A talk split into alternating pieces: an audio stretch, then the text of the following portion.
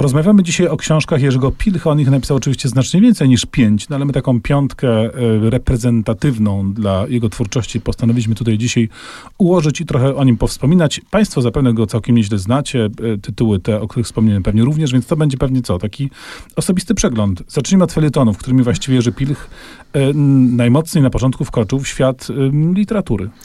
Tak, mu zabrało chwilę na pisanie pierwszej powieści, miał z tym niejakie problemy, natomiast felietony szły mu bardzo sprawnie i za te felietony ludzie go absolutnie uwielbiali i myślę sobie, że ogromna większość czytelników do dziś hmm, chyba najbardziej ceni felietony, a przynajmniej od nich zaczynała przygodę z pisarstwem Jerzego Pilcha. Tak, Tych... rzeczywiście zapatrzyłem na opinię internetowej, faktycznie sporo czytelników podchodzi do Pilcha od felietonowej strony. Tych e, felietonów jest e, cała masa. Tutaj e, bardzo trudno wybrać coś jednego. Ja przyniosłem dzisiaj kilka wyborów, natomiast chyba bezpowrotnie utracona leworęczność to jest coś, o czym powinniśmy wspomnieć.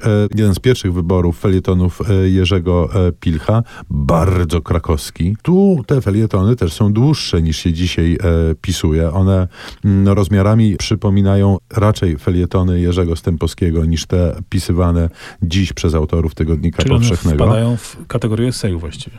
Tak, to są krótkie esejki, przesiąknięte rzeczywiście, jak się rzekło, Krakowem, bo tutaj się pojawiają i podróże przez krakowski rynek, i plejada krakowskich postaci, takich jak Bronisław Maj, Tomasz Fiałkowski, Marian Stala.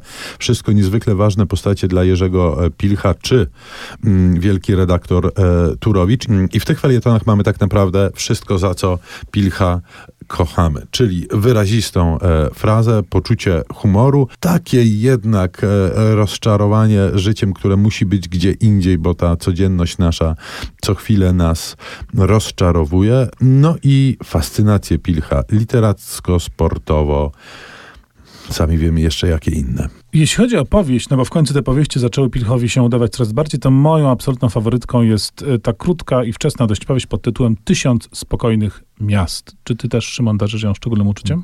Jest to chyba w ogóle najzabawniejsza pozycja w dorobku tego autora i rzeczywiście świetna, świetna powieść. No bo przypomnijmy, że ona jest taką historią rzeczywiście dość, dość y, zwięzłą, historią, która rozpoczyna się, no wiadomo, w Wiśle, w tym klimacie, no właśnie ten, ten, ten, ten czeski klimat i geograficznie, i literacko jest tam bardzo, bardzo silnie obecny.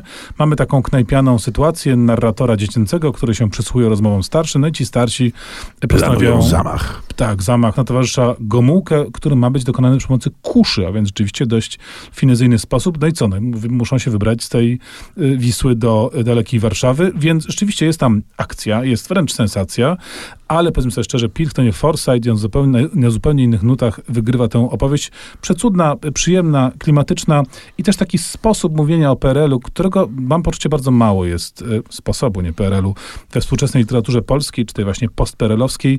Y, Pilch faktycznie tutaj wchodzi na absolutne wyżyny.